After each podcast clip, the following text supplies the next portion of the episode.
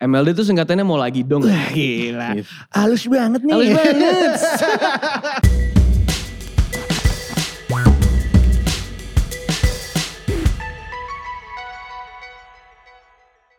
Kalau kita ngomongin soal hip hop di era 90-an di Indonesia nih, pasti kita langsung kepikiran nama sebesar seorang Iwake. Atau mungkin di tahun 2000-an nih, nama Saikoji juga bisa dibilang satu orang yang emang konsisten di dunia hip hop dan emang terkenal sampai sekarang nih. Dan pastinya nih, sampai sekarang juga kita lihat makin banyak nih pertumbuhan dari musisi-musisi yang makin explore dunia hip hop sampai bisa menjadi seorang artis yang go international. Salah satunya nih yang bakal kita ajak ngobrol untuk tamu kita kali ini di episode terbaru dari MLD Podcast adalah seorang rapper yang ada di sebuah label internasional. Gila. Dia ini pernah satu ruangan sama Kanye West ya? Uh, I wish man. Jadi kita bakal ngobrol-ngobrol barengan sama seorang bintang tamu kita yang masih muda, berbakat dan salah satu Udah tua. rapper, udah tua ya? Udah kumisan sih ya. Dia dikontrak barengan sama sebuah label yang namanya Def Jam Southeast Asia. yes sir. Dan ada di satu label berarti bersama dengan Justin Bieber dan juga Kanye West. Gokil. Gokil banget ya. Gokil banget. Go internasional ya? Go internasional. Tapi Kal- apa sih kata go, maksudnya go internasional tuh, tuh apa sih? Itu- kita tanya Agnes mau kalau gitu ya. Oke. Oke, gitu, Tapi sebelum kita panjang lebar ngobrol-ngobrol barengan sama bintang tamu kita untuk minggu ini, pasti kita mau ngingetin dulu untuk MLD Podcast. Jangan lupa dong untuk follow Spotify kita di MLD Podcast. Jadi lo bisa dengerin episode-episode terbaru dan episode-episode sebelumnya. Dan jangan lupa juga subscribe YouTube channel kita MLD Spot TV. Lo bisa dengerin dan juga lihat video-video menarik dan inspiratif. Jangan lupa di like, di subscribe, di komen. Langsung bunyiin lonceng notifikasi buat tahu updatean video-video terbaru. Dan follow juga nih Instagram kita di @mldspot. Langsung aja nih, kita ajak ngobrol untuk bintang tamu kita kali ini adalah seorang Ariel Nayaka. Yeah, what's up man? Pueh, pueh, pueh, pueh. Pueh, pueh. Udah, udah. Party udah, hard. Udah, udah, udah, udah. Pastinya kita mau ngucapin selamat dulu ya. Karena lo baru aja merilis album barengan sama teman-teman lo Blue Room Boys. Yes. Eh, EP perdana berarti ya. Iya, actually full album sih. technically. album Full ya? album nih technically. Full album dengan judul You're Amazing. You're amazing. Lagunya yang gue paling suka adalah Amazing. 'cause That Yes. song is amazing. Shout out Monica Karina. Thank Tapi you man. lo Thank kan you. adalah seorang rapper. Lo adalah produser juga. Tapi lo ngeband juga berarti ini eh, bisa dibilang satu side project lo atau produk iseng-iseng doang atau gimana nih men? Sebenarnya sih awalnya nggak bisa dibilang uh, lumayan iseng-iseng ya. Oke. Kayak kita jamming di rumah. Ah. Uh, kenapa namanya Blue Room Boys? Karena karena studio gue namanya Blue Room. Oke, pasti catnya hijau ya. Bener banget ya kan. Nah, tapi kita sebenarnya awalnya cuma jamming-jamming doang sih. Kayak kita nggak cover lagu-lagu without a crowd. Oh. Cuman di rumah doang jamming segala macam sampai akhirnya kita uh, dapat opportunity buat manggung di beberapa kafe-kafe di Jakarta. Oke. And we kinda dapat nama lah dari situ ya, Mhm, dapat nama dari situ sampai akhirnya kita tour tahun 2018. Oke, tur tur Jawa Tur ya. Jawa, tur Yoi. Jawa. tur Jadi Jawa, Jakarta, Bandung, Bandung, Jogja, Surabaya. Bali juga. Bali gak sempet. Oh, Bali belum, belum sempet. Belum sempet. Oh, Tapi oke. jadi kita ba- bareng gestar, uh, bawa-bawa gestar kayak ada Ayub John, Oke. ada ada Rai Putra, Mhm. ikutan nama kita and then akhirnya puncaknya kita selesai main di WTF waktu itu. Oke. Main di WTF. uh, mungkin setelah setelah bangun di WTF kita langsung realize maybe it's time for us untuk bikin album kali Oke, ya. Mulai oke. lah kita tuh garap-garap materi dari situ. Dan- Jadi dari iseng akhirnya diseriusin gitu ya. ya men. Iseng-iseng berhadiah ceritanya. Asli, asli, asli. Tapi bisa dibilang gini, lo kan adalah seorang eh, rapper, Hmm. konsisten di musik hip hop nih Yes. berarti, di genre hip hop. Eh, tapi dulunya lo eh, adalah seseorang yang pastinya memuja, suka banget sama rapper-rapper. Hmm. Rapper yang ngebuat lo kayak, oke, I wanna, I wanna become a rapper. Huh. Awalnya sih dulu Mac Miller ya. Oke. Mac Miller salah satunya Ah, yang bikin gue merasa Oke. I wanna try this. Oke. Itu Mac Miller and then Drake. Aha. Di era-era itu lah Kendrick, J. Cole. Aha, aha. Tapi pertama kali gue sebenarnya suka hip hop tuh di era sebelum itu. Oh. Di 50 Cent Eminem. Uh, Yeah. Makanya suka nge-gym ya? Jadi kayak 50 Cent kayak di video in the club. Go, go, go gitu. Oke oke oke oke. Tapi lu ngelihat di Indonesia gitu ya, Hmm. eh, scene hip hop di tahun 90-an sampai 2000-an atau mungkin sampai sekarang. Itu sebenarnya gimana sih kalau menurut lu sendiri yang udah ada di dalamnya nih? Eh, apa 90-an sampai 2000-an Iya. ya. Itu menurut gue bagus banget sih kayak eh, mereka cukup lay foundation yang cukup bagus ya. Shout out ke Iwake, Bang Yep. Igor, Saikoji. Oke. And everybody else di di di era itu karena mereka bisa dibilang yang ngebukain pintu buat kita. Soalnya kalau mereka nggak melakukan itu, Mhm. mungkin apa yang kita lakuin sekarang wouldn't be widely accepted gitu loh. Jadi Oke. jadi gue dari dulu selalu berterima kasih sama sama era-era sebelum itu gitu loh. Oke, oke. Ya, man. Tapi eh, ngelihat eh, rapper-rapper Hmm. yang sukses di era 90-an, Hmm. 2000-an gitu ya. Itu ngebuat lu juga yakin kalau misalnya emang ada pasarnya di Indonesia gitu. Hmm, iya sih, tapi gue dari dulu nggak pernah mikir sejauh itu sih. Oke. Gue lebih ke ya udah gue suka bikin musik, gue suka dengerin hip hop, gue suka nulis, Oke. and then gue bikin musik awalnya. Jadi album pertama gue itu tuh sebenarnya nggak ada di uh, SoundCloud atau di streaming Oh, gitu. Ada oke. judulnya namanya Sleepless Nights. Oh. Nights-nya kayak, uh, Nights Warrior, Nights Oke, Satria gitu. Sleepless Nights. Sleepless Oh, Nights. Oke. Nah itu gue bikin karena uh, apa namanya?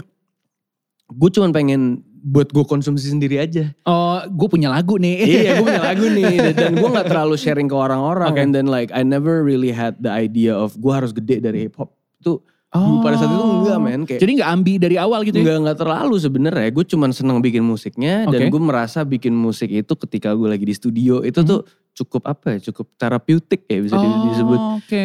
Jadi ya awalnya mulai dari situ sampai akhirnya teman-teman gue denger mereka bilang eh lu harus lu coba deh lu seriusin Mhm, segala macem. mhm, mhm. Did one two shows and yeah man eventually gue bikin album namanya Curriculum Vitae Yoi. yang gue bikin sendiri semua di kamar with Mhm. some friends yang jadi produser.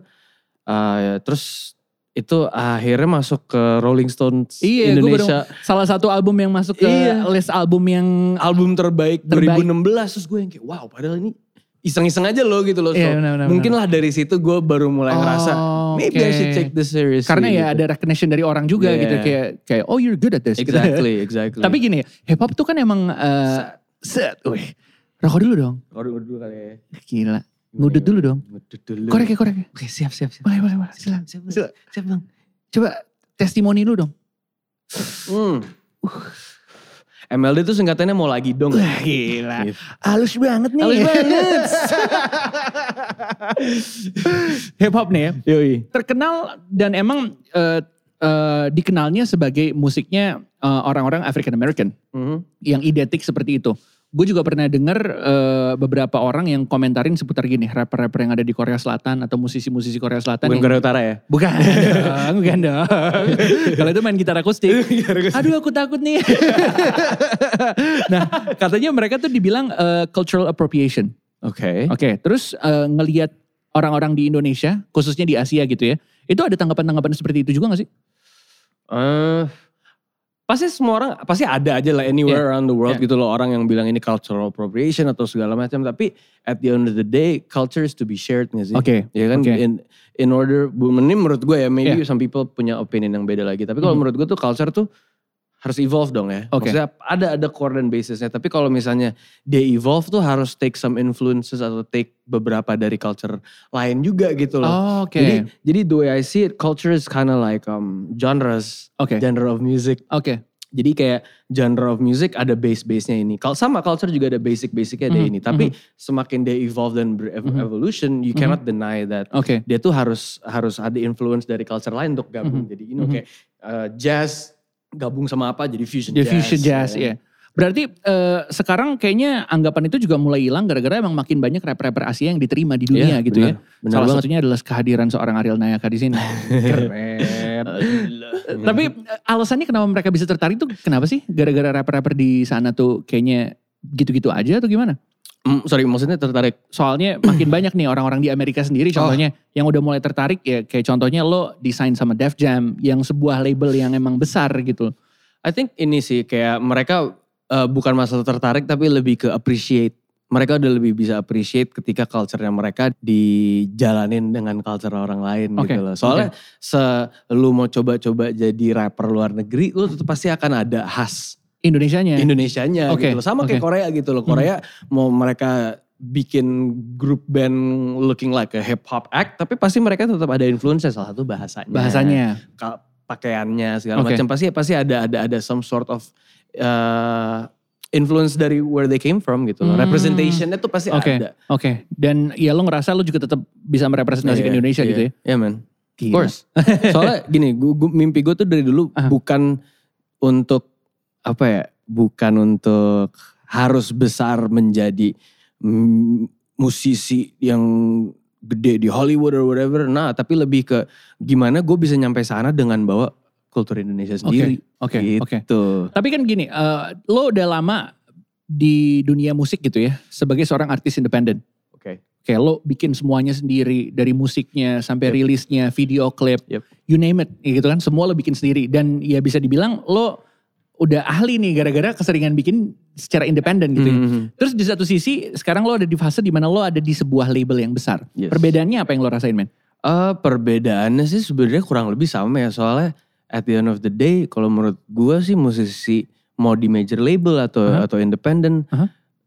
lu ujung-ujungnya harus be in control sama Oke. apa yang lu buat gitu. Oke, Lu mau bikin oke. musik video lu bisa mungkin kalau major label mereka yang ngasih konsep atau segala macam tapi at the end of the day core dan base-nya adalah diri lu sendiri. Dan I don't think that oke. kind of changes. It Aha. shouldn't change ketika lu dari independent, mus mau lu musisi independen atau lu mu- musisi dalam major label gitu. Aha, loh. Lu harus bisa in control sama apa yang lu buat gitu. Mhm, Dari mhm. musiknya sampai musik videonya, sampai sampai sampai lirik video apalah sampai semuanya gitu. Jadi nggak ada ya anggapan yang kayak kalau misalnya lo ada di major label lo dikontrol 100% gitu. Nah orang tuh yang biasanya masuk ke dalam kasus itu yang yang dikontrol sama major label karena mereka mungkin dari awal nggak stand their ground. Mereka tuh nggak nggak ngasih tahu ini yang gue mau. Oke. Lu harus uh, ya itu back to the topic of lu Oh, harus in control sama yang ini. Oke. And even lu independen juga pasti lu kalau nggak in control sama yang lu buat lu akan dikontrol sama mungkin tim lu atau orang-orang sekitar lu. Hmm. So at the end of the day kuncinya adalah to be in control gitu loh.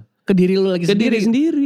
Tapi banyak ya orang-orang kayak ya udahlah serahin aja semua sama label gitu. Ada lah orang yang kayak gitu tapi itu juga ya itu mungkin balik lagi ke karakter Oke. perorangannya kali Oke, ya. ma- oke. Maksudnya lebih nyaman kayak gimana. Tapi kalau Mhm. gue sih gue emang dari dulu selalu I'm kind of like a control freak. Mhm. Jadi with everything that I make Oh, Oke. dari artnya gue apalah segala Uh-huh. macam itu gue harus involved 100%. Oke. Tapi gini, eh, privilege-nya apa? Dengan lo ada di sebuah label besar. Ah, privilege-nya mungkin lebih ke ini kali ya kayak um, melebarkan koneksi kali ya. Oke. Melebarkan koneksi kayak gue semenjak masuk ke Def Jam, Mhm. gue jadi bisa lebih uh, kenal lebih dekat sama sama rapper-rapper dari Thailand, Oke. dari Malaysia. Industrinya dari- besar ya di- di besar, besar Iya. banget, besar banget. Di especially di Thailand ya. Uh, di Thailand itu tuh uh, shout out to uh, The Boy Way. Oke. He's a he's a he's a he's a rapper from uh, Uh-huh. from, from Thailand. from Thailand. Uh-huh. And dia bisa dibilang uh, salah satu rapper yang membawa hip hop ke ke, ke Thailand. He's Oke. he's OG, he's the, the OG Kayak Iwake-nya sini gitu. in a way ya. Oh, oke oke oke. But oke. uh, dia dan dia lebih he's also signed to Def Jam dan Oke. dia juga in control of basically most of the things yang berhubungan dengan hip hop di Thailand gitu loh. Hmm, abang-abangan berarti. Abang-abangan. The OG bukan cuma OG, the OG. Oke, jadi kalau misalnya ngelihat hip hop talent ngeliatnya dia gitu ya? Iya. Atau oke. lu pernah denger Titanium gak? Aha, aha. Nah, he's part of Titanium Oh, gitu. gila. Gitu. Titanium David Guetta, bukan? Nah, beda, beda beda, beda, beda. Tapi untuk kolaborasi sama artis-artis luar negeri gimana? Kayak kan lo ada di satu label sama Kanye West gitu. Hmm. Lo bisa gak kolaborasi sama artis seperti dia gitu? I don't know, mungkin gak tahu ya kayak Kanye kan baru went through a divorce ya. Mungkin agak susah kali ya kan nelfon dia tuh ribet. Lagi galau ya. Lagi galau dia. Tapi m- ya nggak menutup kemungkinan sih. Maksudnya eventually akan bisa sih. Tapi Oke. again, eh, I think our, our our our main goal sekarang tuh adalah untuk membesarkan eh, untuk nge-home grow Mhm. talent-talent kita sendiri dulu Mhm, gitu loh. mhm, Jadi kayak kita home grow eh, di di market kita and then Mhm. baru kita bawa bawa ke sana. Oh, Oke, Iya, man. oke, oke. Salah- Lo ngerasa salah satu keuntungannya eh, lo punya lagu bahasa Inggris jadi bisa diterima in- internasional nggak? Eh, iya sih lumayan Aha, lumayan. aha. Tapi gue emang awalnya kan gue bikin full bahasa Inggris nih. Oke. Gue barulah dalam waktu setahun nih nyoba-nyoba Aha. pakai bahasa Indonesia Mhm. dan segala macam. Tapi gue makin ke sini mulai ngerasa Waktu tiba. waktu tiba, waktu tiba. Eh, itu salah satu example di mana gue mulai ngerasa ada keperluannya untuk menggunakan dua bahasa. Oke. Karena kalau menggunakan bahasa Inggris doang mungkin bisa berkompetisi Diterima, oke, dan diterima di sana. Aha. Tapi kalau misalnya nggak menggunakan bahasa kita sendiri, Aha. kita nggak nge-represent Oh, uh, oke. where we come from dong. Oke, so oke. I think kalau kita bisa bikin lagu yang bilingual, Mhm. itu cukup bisa uh, ngasih sebuah lagu ke Oke. par- market sana untuk Mhm. bisa di-accept dan juga mengeducate lah in a way. Oh, Oke oke. Tapi kan berarti lo mulainya agak sedikit berbeda ya. Lo mulainya justru dengan lagu-lagu bahasa Inggris dulu. Iya. Ya kan Iya. baru ke sini sini lo udah Yoi. bergabung sama Def Jam baru lo ada lagu Indonesianya. Yoi. Berarti waktu awal-awal lo ngerasa kayak ini bisa diterima gak ya? Eh, sempet ada kerasa perasaan kayak gitu, tapi it never really apa ya nggak pernah ngebother gue dan mengganti haluan gue harus gue harus bikin pakai bahasa. Oh, gue bikin oke. pakai bahasa karena gue udah mulai ngerasa comfort dengan menulis pakai bahasa. Bahasa Indonesia gue tuh jujur aja nih ya, vocabulary-nya sangat minim, Oh, sangat minim. nggak Gitu. bisa nih nongkrong sama kita nih kita. Gak bisa, ya. Gak bisa bahasa Inggris. Kebalikannya tapi. Nggak bisa bahasa Indonesia. Gak bisa bahasa Indonesia. Oh gitu, oke. Jadi Iya, men. itu yang ngebuat akhirnya lo awal-awalnya mulai untuk bikin sebuah lagu, sebuah album Hmm. dari bahasa Inggris semua gitu. Iya. Karena emang balik lagi kenyamannya lo. gitu. Kenyamannya sendiri. Berarti proses untuk bisa bikin lagu bahasa Indonesia berat juga dong lo. Lumayan man. Dan gue harus shout out ke Lace. Dia yang agak ngebantuin gue kalau lagi studioan. Terus dia yang Oke. kayak, lu coba deh pakai bahasa. Lu coba deh ini. Lu coba, coba, coba. gitu. Ah, iya, karena dia bahasa Indonesia semua dia tuh. bahasa Indonesia banget Aha, dan emang aha. menurut gue ya maksudnya banyak ya of Mhm. course banyak banget yang yang yang bahasa Indonesianya bagus dalam Mhm, hip hop tapi mhm. kalau menurut gue Lace tuh salah satu yang yang, Oke. yang Shout out to Lace. Shout out Lace bro. Kita undang Les kali abis Hmm. ini. nah gini ya, gue ngeliat eh, kayak gue pertama kenal eh, seorang Ariel Nayaka tuh waktu gue denger lagunya Zero to One. Mhm. Barengan sama Rai sama Yeah. Emir Hermono. Yoi. Udah gitu 3 AM in Jakarta. Yes, lagu-lagu buat mantan lagu-lagu- gue semua. Oh, iya. buat buat mantannya dia semua. Itu awal-awal banget tuh ya. awal banget. Terus eh, kalau misalnya kita ngelihat ke sekarang, orang-orang banyak yang udah mulai bilang gini kayak gue pengen nge-rap gara-gara Ariel Nayaka. Gue pengen nge-rap gara-gara Rai Putra. Gue pengen Oh, nge-rap gara-gara seorang Lace gitu ya. Yeah. Jadi gini gimana ya kayak lo set the new bar for Indonesian hip hop Wow. movement gitu kan. Thanks, Tapi man. pertanyaannya gini, udah mulai banyak nih rapper-rapper baru bermunculan. Gimana caranya untuk lo tetap bisa jadi ya one of a kind amongst uh, other people? Hmm, ujung-ujungnya sih sebenarnya might sound cheesy and, and cliche banget tapi Aha. ujung-ujungnya ya lu jadi diri sendiri sih. Oke. Soalnya kayak kalau lu jadi diri sendiri dan lu menjadi diri sendiri di lagu-lagu lu, di image lu, di brandingan lu, Mhm. people can tell ini lu Oke. lagi jadi diri sendiri Oh, atau oke. atau atau atau lu trying to be somebody else. Oke. gitu. Tapi di awal prosesnya lo pernah nggak untuk coba jadi somebody Oh, of else? course, of course. Aha. Gue sering banget dulu nyobain kayak Siapa? lagi di studio gitu, kayak gue dapet beat apa, terus gue mikirnya kayak ini kalau gue jadi Travis Scott, Pakai auto tune. pakai autotune, Straight up. straight up, it's lit.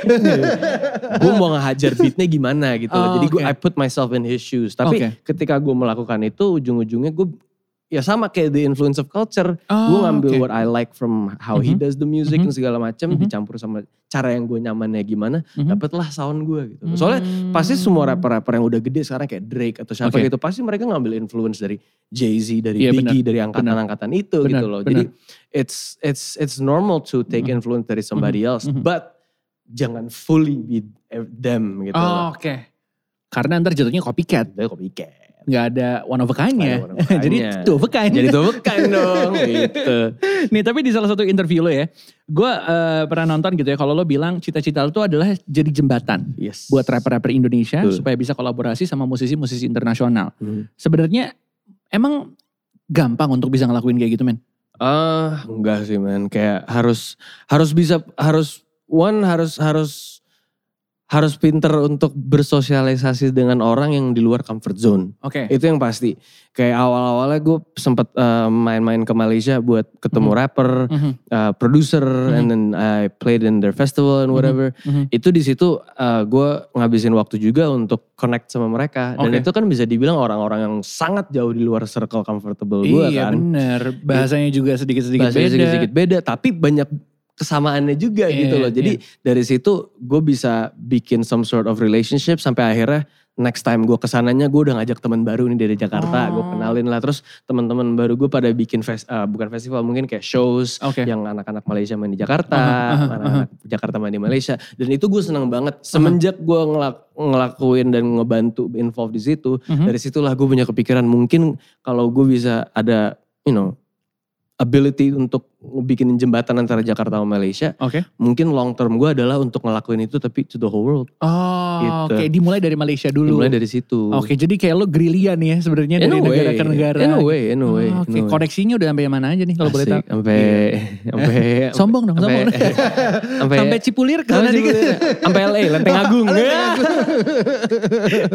Tapi gitu ya. Gitu. Dengan adanya label eh, Def Jam juga ngebantu untuk bisa mempererat koneksi gitu. ya? Yes, itu dia dan itu salah satunya kenapa gue decide untuk yaudah deh I wanna be with them. One of the reasons adalah karena gue ngeliat opportunity untuk memperkuat jembatan itu. Oke, oke. Gitu. Wow. Ini juga gini nih, di MLD Podcast kita ngasih jembatan nih. Oke. Kita ngasih opportunity untuk eh, followers-followers kita atau mungkin followers-followers juga yang pengen nanya langsung ke lo, tapi mungkin gak ada kesempatannya. Oke. Ini adalah waktunya nih. Jadi kita bakal bacain beberapa pertanyaan-pertanyaan yang udah ada dari sosial media kita di Instagram di @mldspot. Oke. Kita bakal baca beberapa pertanyaannya. Sip. Pertanyaan nomor satu Pertama. dari @sasa Laudisha. Hmm. Cewek As nih. a rapper, iya cewek nih. Oh. As a rapper, siapa role model lo dalam bermusik? Ah, Drake man. Hmm, Drake. Karena menurut gue Drake itu bisa uh, menyeimbang, menyeim, menyimbangkan. menyim, ya. Balance. Ngebalance.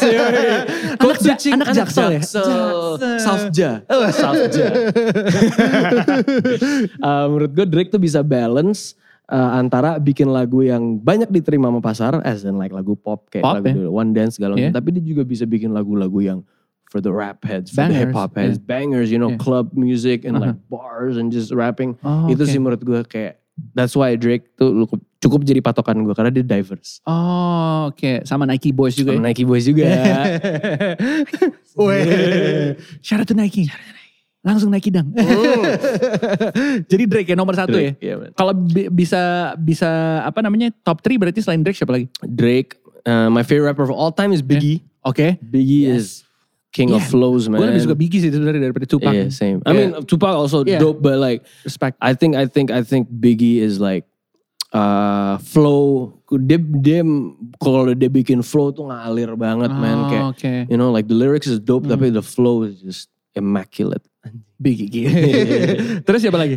Uh, Satu lagi. Jay Z man. Jay-Z. The business aspect of Jay Z. Oh, Karena Jay Z pinter banget oke. bisa, you know, memper, mem- memperluas nama dia just even outside of hip hop gitu loh. Oke, oke. Dan itu penting banget sih. Drake, uh, Biggie, and Jay-Z. Gila. East Coast nih.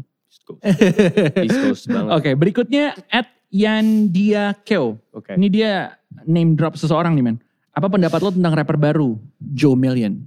Oh, Joe Million gak baru Udah man. gak baru sih sebenarnya. Joe Million is, bro, he's a dope guy. Waktu itu gue sempet manggung sama dia pas di Soundrenalin. Aha, aha. And yeah man, it was fucking dope because like he was very energetic dan lagu-lagunya dia tuh bener-bener apa adanya banget, energetic banget. Dia baru ngeluarin album by the way, Hmm. Iya. kayak month or two months ago. Think. Mardial kan? Mardial ya, Uh-huh. sama-sama sama Mardial. And menurut gue albumnya bagus banget sih. So check that out man.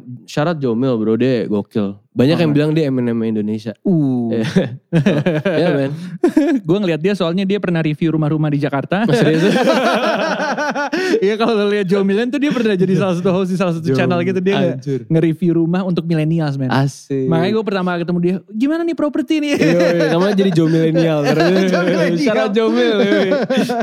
Berikutnya at underscore underscore in most cases. Oh, that's a nice name. Iya men. Kenapa hip hop identik banget sama basket? Um, oh, I don't know ya. I mean, mungkin itu masuk dalam scope-nya hip hop kali ya. Hip hop kan ada ada break dance, ada graffiti, ada Iya, benar. DJ. And I guess the sport yang paling dekat sama hip hop tuh basketball yang Iya, sih kayak I mean like I don't really know the history of Mhm, of mhm. basketball and everything Mhm. tapi kayak dari dulu sih selalu identik kalau kayak di Amerika pemain basket pasti nongkrongnya sama, Iya benar. sama rapper kan. Benar, benar. It's just one culture aja Mhm. sih. Terus banyak rapper yang pakai sepatu Jordan. Iya banyak Iya juga eh, apa, apa, apa, eh, pemain basket yang pengen jadi rapper, Ah, ya kan? taunya whack. Tanya wack. Wait, but Kobe, RP Kobe, Kobe dropped a really dope like Yeah? hip hop song dulu sempet. Yeah, man. Oke. Yeah. Did a verse on somebody's, I forgot who, tapi kalau kalian mau nyari ada deh. Kobe Mamba mentality man. Mamba mentality bro. Jadi gitu ya. Itu udah kejawab ya in most cases. Thank you very much for the question. Berikutnya at Riyad Smith 5. Pernah nggak nulis lirik lagu buat musik rap tapi ujung-ujungnya jadi lagu pop atau R&B?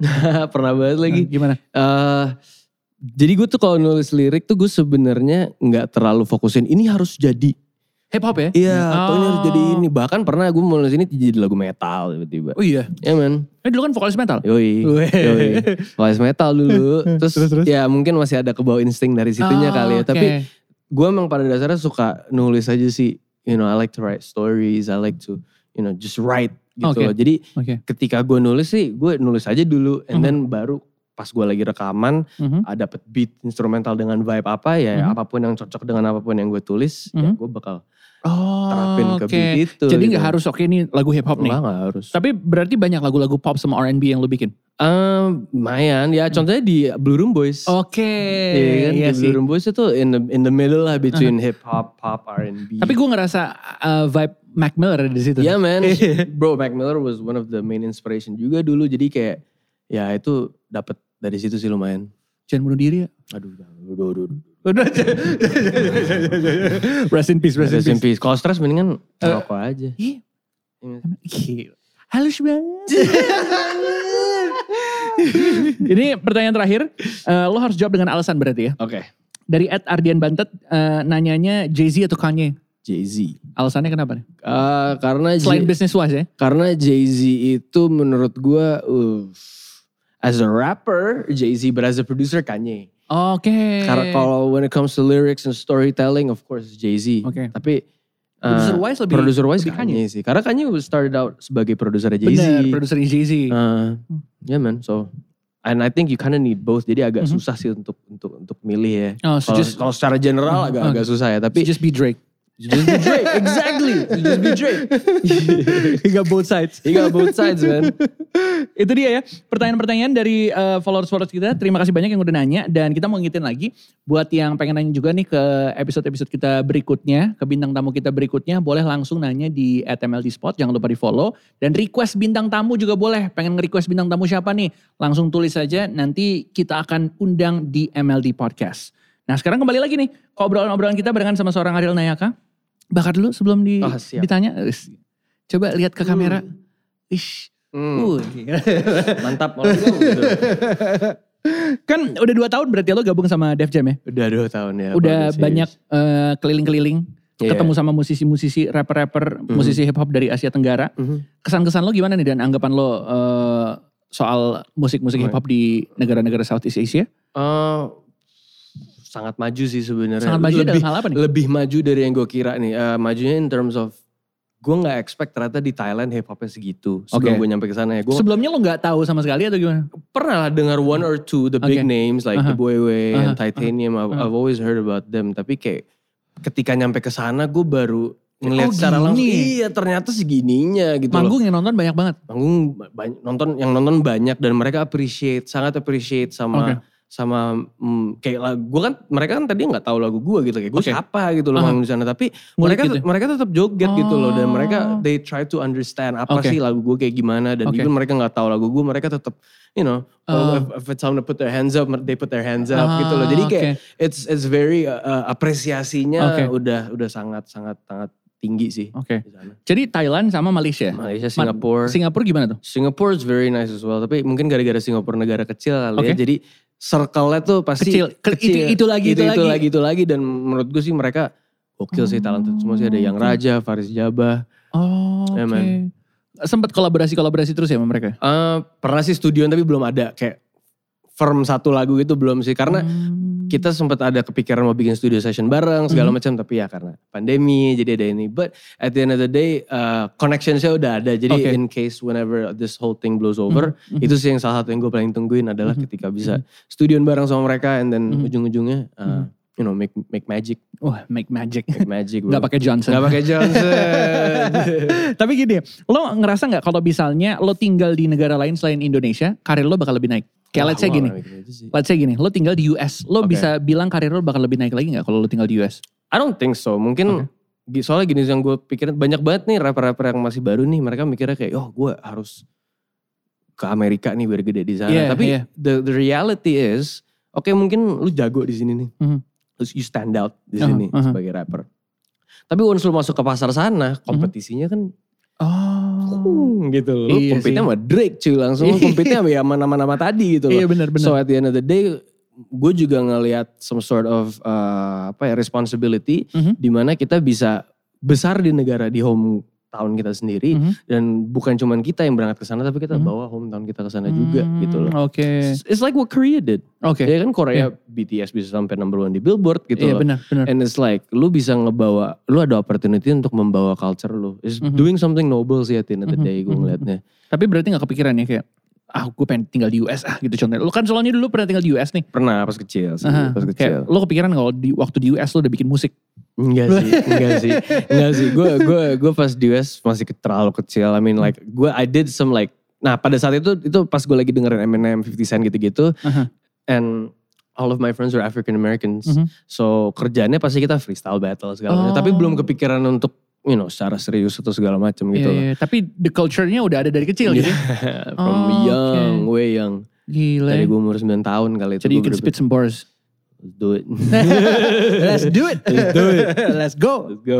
Tapi eh, lo juga gini ya, kalau di Indonesia collabnya juga sama banyak musisi gitu ya. Salah satunya sama Cheryl Shanavia. Yes. Lo kolaborasi lagunya Lose My Mind. Yes. Itu lagunya eh, katanya dibikin secara spontan men. Iya men, jadi ceritanya tuh waktu itu lagi studioan tuh di di, di Cilandak. Terus Oke. di studio tuh ada dua ruangan nih. Aha. Rencananya gue memang sebenarnya ke studio itu untuk ruangan, let's say ruangan B ya. Aha. Di ruangan B-nya itu gue mau rekaman sama Dipa Barus sama Lace. Oke. Emang lagi No handouts, No no handouts. handout. Terus Oh. lagi bikin itu. Terus kebetulan di studio A lagi ada Cheryl. Hmm. Nah gue gue udah kenal Cheryl karena sekampus waktu itu sempet sekampus. Oh gitu. Kampus. Abis Oke. itu Satu alma mater nih bang. atau Abis itu si gue mau say hi terus Cheryl kayak eh lu bantuin gue ini dong apa namanya eh, bikinin demo buat buat buat verse 2-nya nih. So Mhm. gue alright cool. Gue nulis lirik di situ but like 10 minutes gue nulis lirik and then abis itu gue langsung nge-take si gue yang kayak aduh nih ini demonya terserah mau you want me to sing it or whatever terus ujung-ujungnya dia kayak oh she eventually liked it. Oke. So I was like ya udah kalau misalnya mau jadiin lagu like why not gitu loh. Jadi emang Ah. rencana rekaman itu tuh that wasn't the plan for the day. Oke. It was just like ibaratnya kalau GTA itu side mission aja. So it's like so it's like emang it wasn't the the main thing that was planned untuk Oke. hari itu. Emang gue hari itu lagi mau studio nama Leza sama Dipa. And then ya kebetulan ya ada Cheryl aja di studio and then Oh, oke. eh, eh, very organic gitu lah. Bukan yang dia kayak "Hey, I have this idea or like Oke. gue yang kayak eh, ini it's very very organic. So Tapi eh, kayak gitu berarti cuma sekali atau ada kesempatan-kesempatan lain juga ketemu sama artis lain? Tahu-tahu kayak, "Ah, kayak asik nih kolaborasi nih. Iya sih, sebenarnya eh, kalau nggak pandemi ya itu Aha. itu salah satu yang gue paling suka dengan public studio Oke. kayak public Lo ketemu studio. siapa, lo iya, ketemu siapa. Oh, dan ada beberapa ruangan kan studionya you never know who you might meet gitu loh. Itu. Pengennya ketemu siapa kalau gitu? Uh, siapa ya? Ketemu Tiba-tiba gitu. Wah ada ini. tiba-tiba. Eh Justin, ya? Justin Bieber. Mungkin gak? Mungkin gak? gue gue sebenarnya pengen banget nih jujur ya gue pengen banget studioan sama sama Ariel Ariel Noah cuy. Ariel dan Ariel. Iya, Ariel think about Ariel. it. Itu keren banget gak sih? itu keren banget kalau bisa terjadi. itu gue bodo, gue mau bikin lagu pop or whatever, I'm down. Mau pakai bahasa Indonesia, I'm down. Tapi Yang kayak- penting sama Ariel. Iya men, dulu pas gue di US, band Indonesia pertama yang gue denger adalah Peter Pan. Siapa sangka Ariel Nayaka dengerin Peter Pan. Peter Pan cuy. Pada bintang di surga. Siapa sangka. Gue sangka cuy. Oh gitu. Itu, kan dari, itu nyokap gue bawain CD dari Indo, terus nyokap gue kayak bang dengerin. Ini sama vokalisnya Ariel juga. Oh, cuma oke. gara-gara namanya Ariel sama. Iya. Langsung ngehook gitu, langsung suka. Langsung. Tapi Oh, album itu one of my favorite albums of all time sih. Bintang, apa, Pak? Bintang di surga. Benar benar benar benar. benar. Dan eh, tapi di era itu emang mungkin lagi eranya band eh, untuk naik gitu ya. Yep. Tapi di satu sisi gitu, kita juga ngelihat eh, hip hop di Indonesia constantly growing. Yes. Walaupun di saat itu lagi zamannya Peter Pan atau mungkin di saat itu lagi zamannya AC12 gitu ya. Cuma mungkin gue ngelihat ada perbedaan gini. Kalau misalnya dulu kita ngelihat T5, kita ngelihat ya Saikoji, Iwake atau mungkin eh, Tofu nih, Uyakuya ya kan. Iya. Itu semuanya bahasa Indonesia nih. Tapi makin ke sini orang-orang lebih banyak yang bikin lagu bahasa Inggris. Ada shifting nih di Hmm. eh, hip hop di Indonesia. Yes. Kalau menurut lo gara-gara kenapa nih men? Apa lo Hmm. salah satu alasannya? nah, I don't like that. Nayaka bikin bahasa Inggris, gue bikin juga bahasa Inggris. I think I think karena internet gak sih? Maksudnya orang lebih bisa dapat influence dari medium yang Benar, yang sangat benar. accessible Benar, dan segala macem. Maksudnya kayak gue banyak nih sepupu-sepupu gue yang masih muda nih segala Hmm. macem bahkan keponakan-ponakan yang yang masih muda banget. Mereka tuh pasti walaupun sekolahnya di Indonesia terus mereka belum pernah ke Amerika atau apa sama sekali. Mhm. Tapi karena internet mereka ngomong bahasa Inggris mulu. Oh, so I think it's just a natural thing aja gitu orang Mhm. anak-anak yang makin ke sini tuh lebih lebih nyaman dengan bahasa Inggris. Tapi lo pernah convert, eh, maksudnya kayak ketemu orang yang kayak dia bilang dia, they look up to you gara-gara lo jadi dia bikin lagu bahasa Inggris gitu. Actually ya, jadi Ah. gue punya album namanya Cadence Blue Oke. dan di track terakhir itu gue ceritain. Jadi ada gue waktu itu pernah manggung dan eh, pas kelar manggung ada semacam meet and greet gitu, terus ada anak Oke. ada anak gitu terus dia So get fans. Iya bro. You got groupies? We'll talk about that off air. terus terus terus. But like si anak ini cowok dia ngomong dengan bahasa Inggris yang patah-patah, lumayan Oke. patah-patah dia Oke. ngomong kayak bang kayak gue tuh eh eh, apa namanya eh look up banget sama lu dan pengen bikin Oke. musik terus karena bahasa Inggrisnya patah-patah banget gue ngomong lu ngomong kayak bahasa Indonesia aja kok nggak apa-apa gue Hmm. gue ngerti Hmm. terus dia ngomong alasannya dia kenapa belajar bahasa Inggris adalah karena pengen ngertiin lagu gue Wow. nah ever since then gue yang kayak wow oke Got chills, man. iya man that was wild bro Oke oke. that was one of the craziest moment in my life Jadi karir Ariel Nayaka nih bisa jadi dua nih. Hmm. Rapper dan guru bahasa Inggris. Guru bahasa Inggris. Terus yang siapa tuh yang di yang yang meme tuh yang nggak bisa bahasa Inggris. gue kasih kursus gratis anjir. Gue sih gak bisa bilang, langsung bikin rap lah. Langsung bikin lirik. Tapi lo evolve-nya gini ya. eh, lo dengan lagu bahasa Indonesia. Lo kan tadi sedikit bilang kalau misalnya ya emang agak susah untuk bikin lirik dengan berbahasa Indonesia. Tapi mau nggak mau makin ke sini lo makin selipin Iya. bahasa Indonesianya, Iya. makin selipin bahasa Indonesianya gitu ya. Berarti ini salah satu cara lo untuk evolve. Eh buk gue I don't see it as cara untuk evolve tapi lebih cara untuk gue jadi diri gue sendiri sih.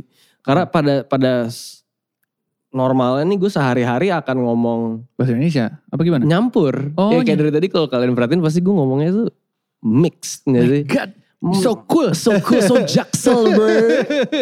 Kayak menurut aku, aku sangat jaksel, you know what I mean? Like, Iya, iya, iya. I get, I feel you man.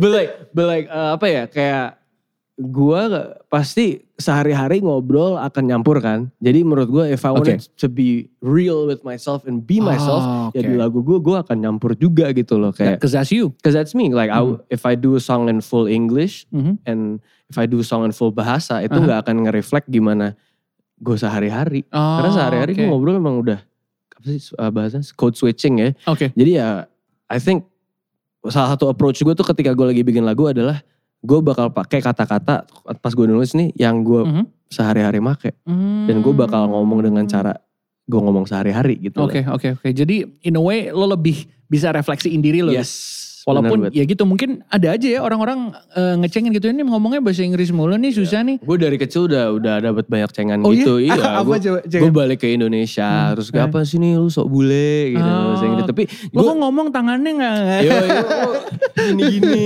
gitu loh. Enggak sih. Tapi kayak maksudnya banyak banget gue dari dari dari gue gue pindah balik ke Indo tuh dari Yos SMP kan. Jadi Oke. ya, bukan SMP SMP di Jakarta. SMP di Jakarta. Jadi bukannya gue dibully sih enggak, tapi maksudnya kayak ada lah orang-orang yang ngomong apa Ada deh cengan orang Indo kan. Iya ya. biasa lah dan dan gue di situ I never took it personal gue Oke. cuma tahu oke gue beda aja gitu Mhm, but I never saw as gue beda itu sebuah kelemahan ya Mhm. gue dari dulu terus ngeliat gue beda tuh sebagai kayak super power gitu cuy Iya gak sih kayak lu stand out cuy kayak why Iya, bener. why why why if if if anybody is different kenapa Uh-huh. lu harus kenapa lu harus eh, ngerasa insecure gitu Oke, loh justru oke. harusnya seneng men lu beda buat apa semua orang seragaman sama semua lu nggak ya Oh, Oke.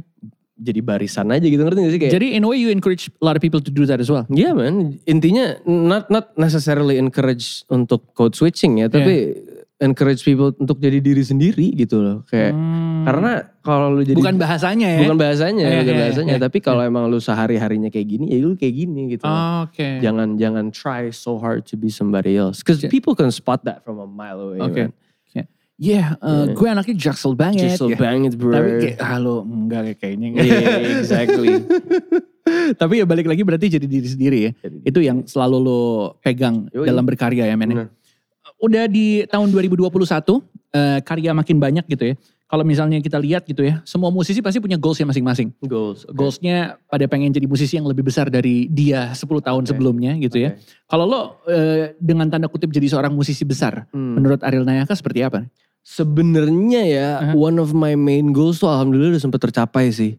Oke. Which is ngeyakinin ke nyokap gue Oh. bahwa ini sesuatu musik tuh yang- bisa eh, Yes, ngehasilin, itu. bisa jadi jalan hidup bisa lo. Bisa jadi jalan hidup dan dia bisa nge-accept itu gitu Oke. loh dan itu terjadi pas uh, di AMI Awards 2018 Iya. itu gue dapat nominasi album terbaik terbaik di general kategori dan itu album hip hop pertama yang masuk situ dan album full English Oh, yang masuk nominasi itu gitu loh dan dan gue ajak date gue nyokap gue Oh, plus one ya? plus one plus one jadi gue yang kayak maksudnya kayak ini mam I wanna show you Oke. Gitu. jadi walaupun gue gak menang tapi on the way home nyokap gue kayak oh I did win sama Dipa sama Ramen sama Aha. Mattermost the Ada pialanya berarti ya? ada ada pro- apa, produksi hip hop buat Aha. lagu Decide. Aha. Jadi abis itu pas kita balik nyokap gue yang kayak oh mama ngerti bang.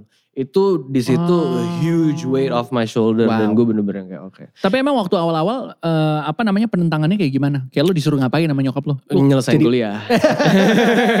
lo disuruh jadi PNS gitu. Enggak.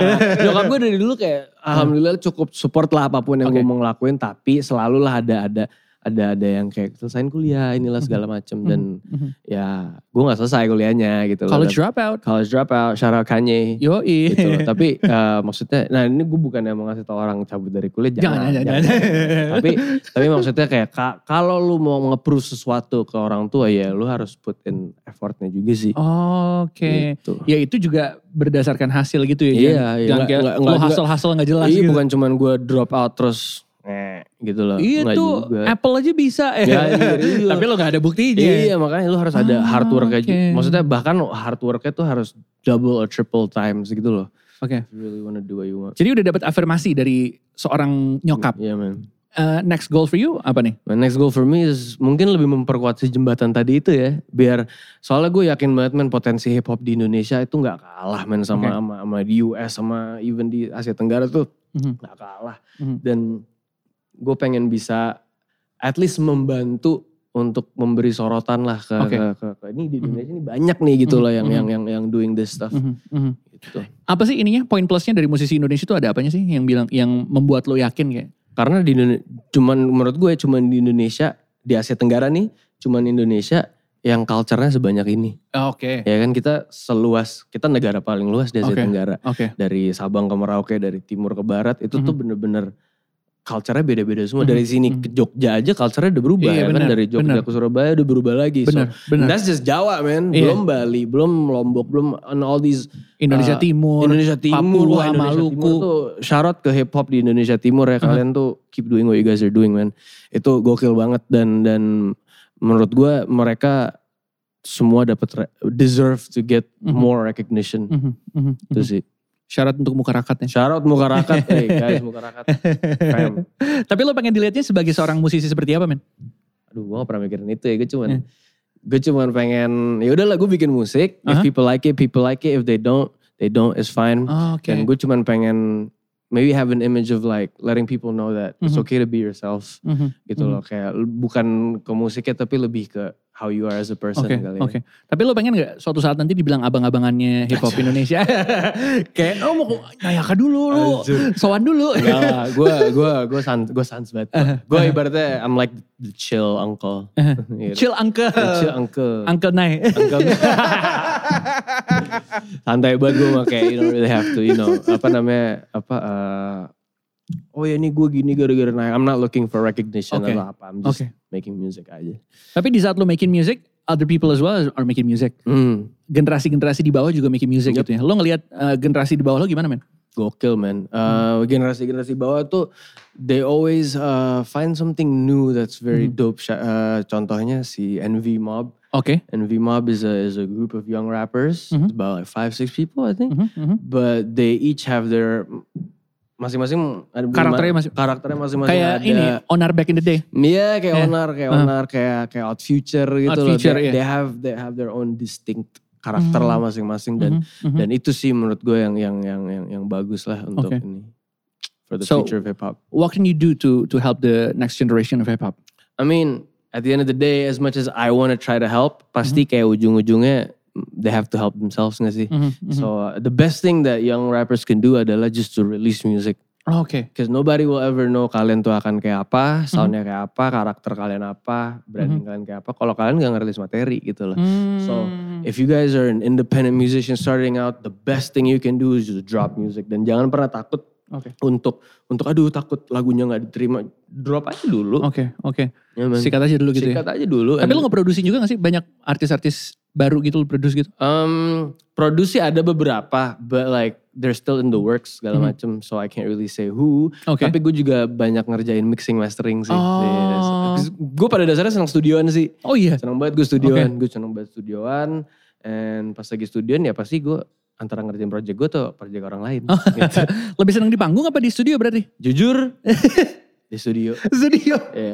Jadi Panggung kalau seneng juga, seneng Panggung banget, juga. seneng banget. Tapi, tapi kalau nantinya akhirnya lo lebih terkenal jadi produser gimana? nggak apa-apa. Nggak apa-apa. Kayak Dr. Dre gitu kan. Iya sih, Iya. iya sih. Tapi Bisa disuruh nge-rap masih bisa. Masih bisa juga. Oh, Oke. course. Jadi kalau pilihannya ada ada cuma satu nih antara dua. Kalau pilihannya cuma satu banget Iya. nih ya, ya gue milih studio sih. Oh, Oke. Yeah, produ- produce. I love creating things. I love making stuff. Gitu. Mhm, mhm. Dan emang udah terbukti dengan karya-karya yang udah dirilis gitu ya. Man. Nggak kaleng-kaleng. Kalau orang selatan bilang no can can. No can can. no can can. Boleh boleh. boleh, boleh. Apa nih harapan lo uh, for the music industry di Indonesia? Eh, untuk ja- jauh lebih konsisten in Oke. dropping music aja sih. Oke, oke. Kayak siapa pun mau baru mau lama atau Mhm. segala macam menurut gue kuncinya adalah konsistensi. Mhm. Karena sekarang juga lagi di masa pandemi, nggak ada Mhm. manggung apalah Mhm. segala macam. Jadi the best thing you can do adalah ngerilis musik, man. Oke. Jadi ketika waktunya ntar udah bisa manggung lagi, pasti banyak kan lagu yang bisa dimainin. Oh, Oke. Gitu. Jadi setlist makin banyak, Terus makin banyak. waktu makin banyak. Sampai jadi- waktunya tiba. Itu. Nanti invoice juga tiba. Kalau lo apa nih? uh, abis ini mau ngapain lagi? Blue Room Boy sudah. Burung Boys Mau udah. ngapain lagi nih? Um, kita bakal, uh, I mean, I'm trying to have both jalan simultaneously. Oke. Barengan gitu, secara barengan kayak Kalau bisa dipaketin ya. Kalau bisa dipaketin gitu. Ntar ada festival apa nih kalau bisa undang dalam satu weekend ada Nayaka sama ada Bulu Boys. Bisa, bisa. Banget. Dua kali tanda tangan. Itu dia dua kali invoice-nya tiba. terus, terus, Ya gitu sih gue gue goal gue adalah gue pengen uh, menjalankan dua ini secara barengan Mhm. gitu loh. Uh, Blue Room Boys jalan, gue yang gue sendiri jalan. Siapa tahu ada project ketiga juga, you know, you never know. Mhm. Um, but yeah man, gue bakal terus bikin musik aja sih. Oke. Pernah kepikiran switch genre? Uh, Metal udah. Metal udah. I mean di Blue Room Boys a bit Iya, switch a bit genre ya. sih ya. So I guess I guess to start from there. Tapi ya gue nggak pernah akan nutup kemungkinan. nggak pernah ngotak-ngotakin gitu ya? Nah, Just never. making music. Apa yang lo nggak suka. pernah gue kota-kota I'm a full circle bro. Full circle. Muter aja ya. Muter aja. Set, tet, tet, tet, tet. Well pastinya kita eh, berterima kasih untuk kedatangan lo di sini. Thank you Thank you bro. very much and of course uh, good luck with career, Yes. with everything, with the music industry. Thank you bro. Uh, good luck grooming up the future generation. Yeah, grooming. Jadi barber kali ya. Karena kan lo udah tua nih. Any special message to our listeners right now? Uh, yeah, guys. Um, keep doing what you guys are doing. Uh, always put in 110% in whatever you love doing. And jangan lupa sholat lima waktu. Selalu ada pesan positif. harus dong. harus Gitu, dong.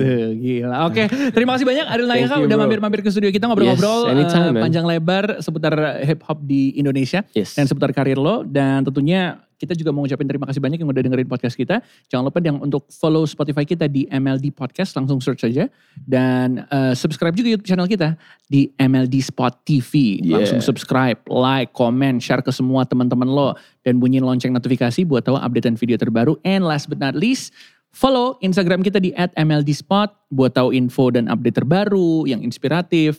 Dan jangan lupa juga untuk request bintang tamu dan nanya pertanyaan-pertanyaan ke bintang tamu kita. And last one, jangan lupa kita juga punya game barengan sama Ariel Nayaka.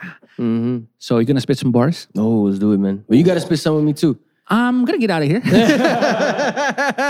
Nanti nih bakal ada videonya juga game kita barengan sama Ariel Nayaka yang ada di uh, YouTube channel kita. Jangan lupa di MLD Spot TV. Alright, kalau gitu Reza Kadri pamit. And before we get out of here, don't forget Get yourself inspired by. MLD Spot.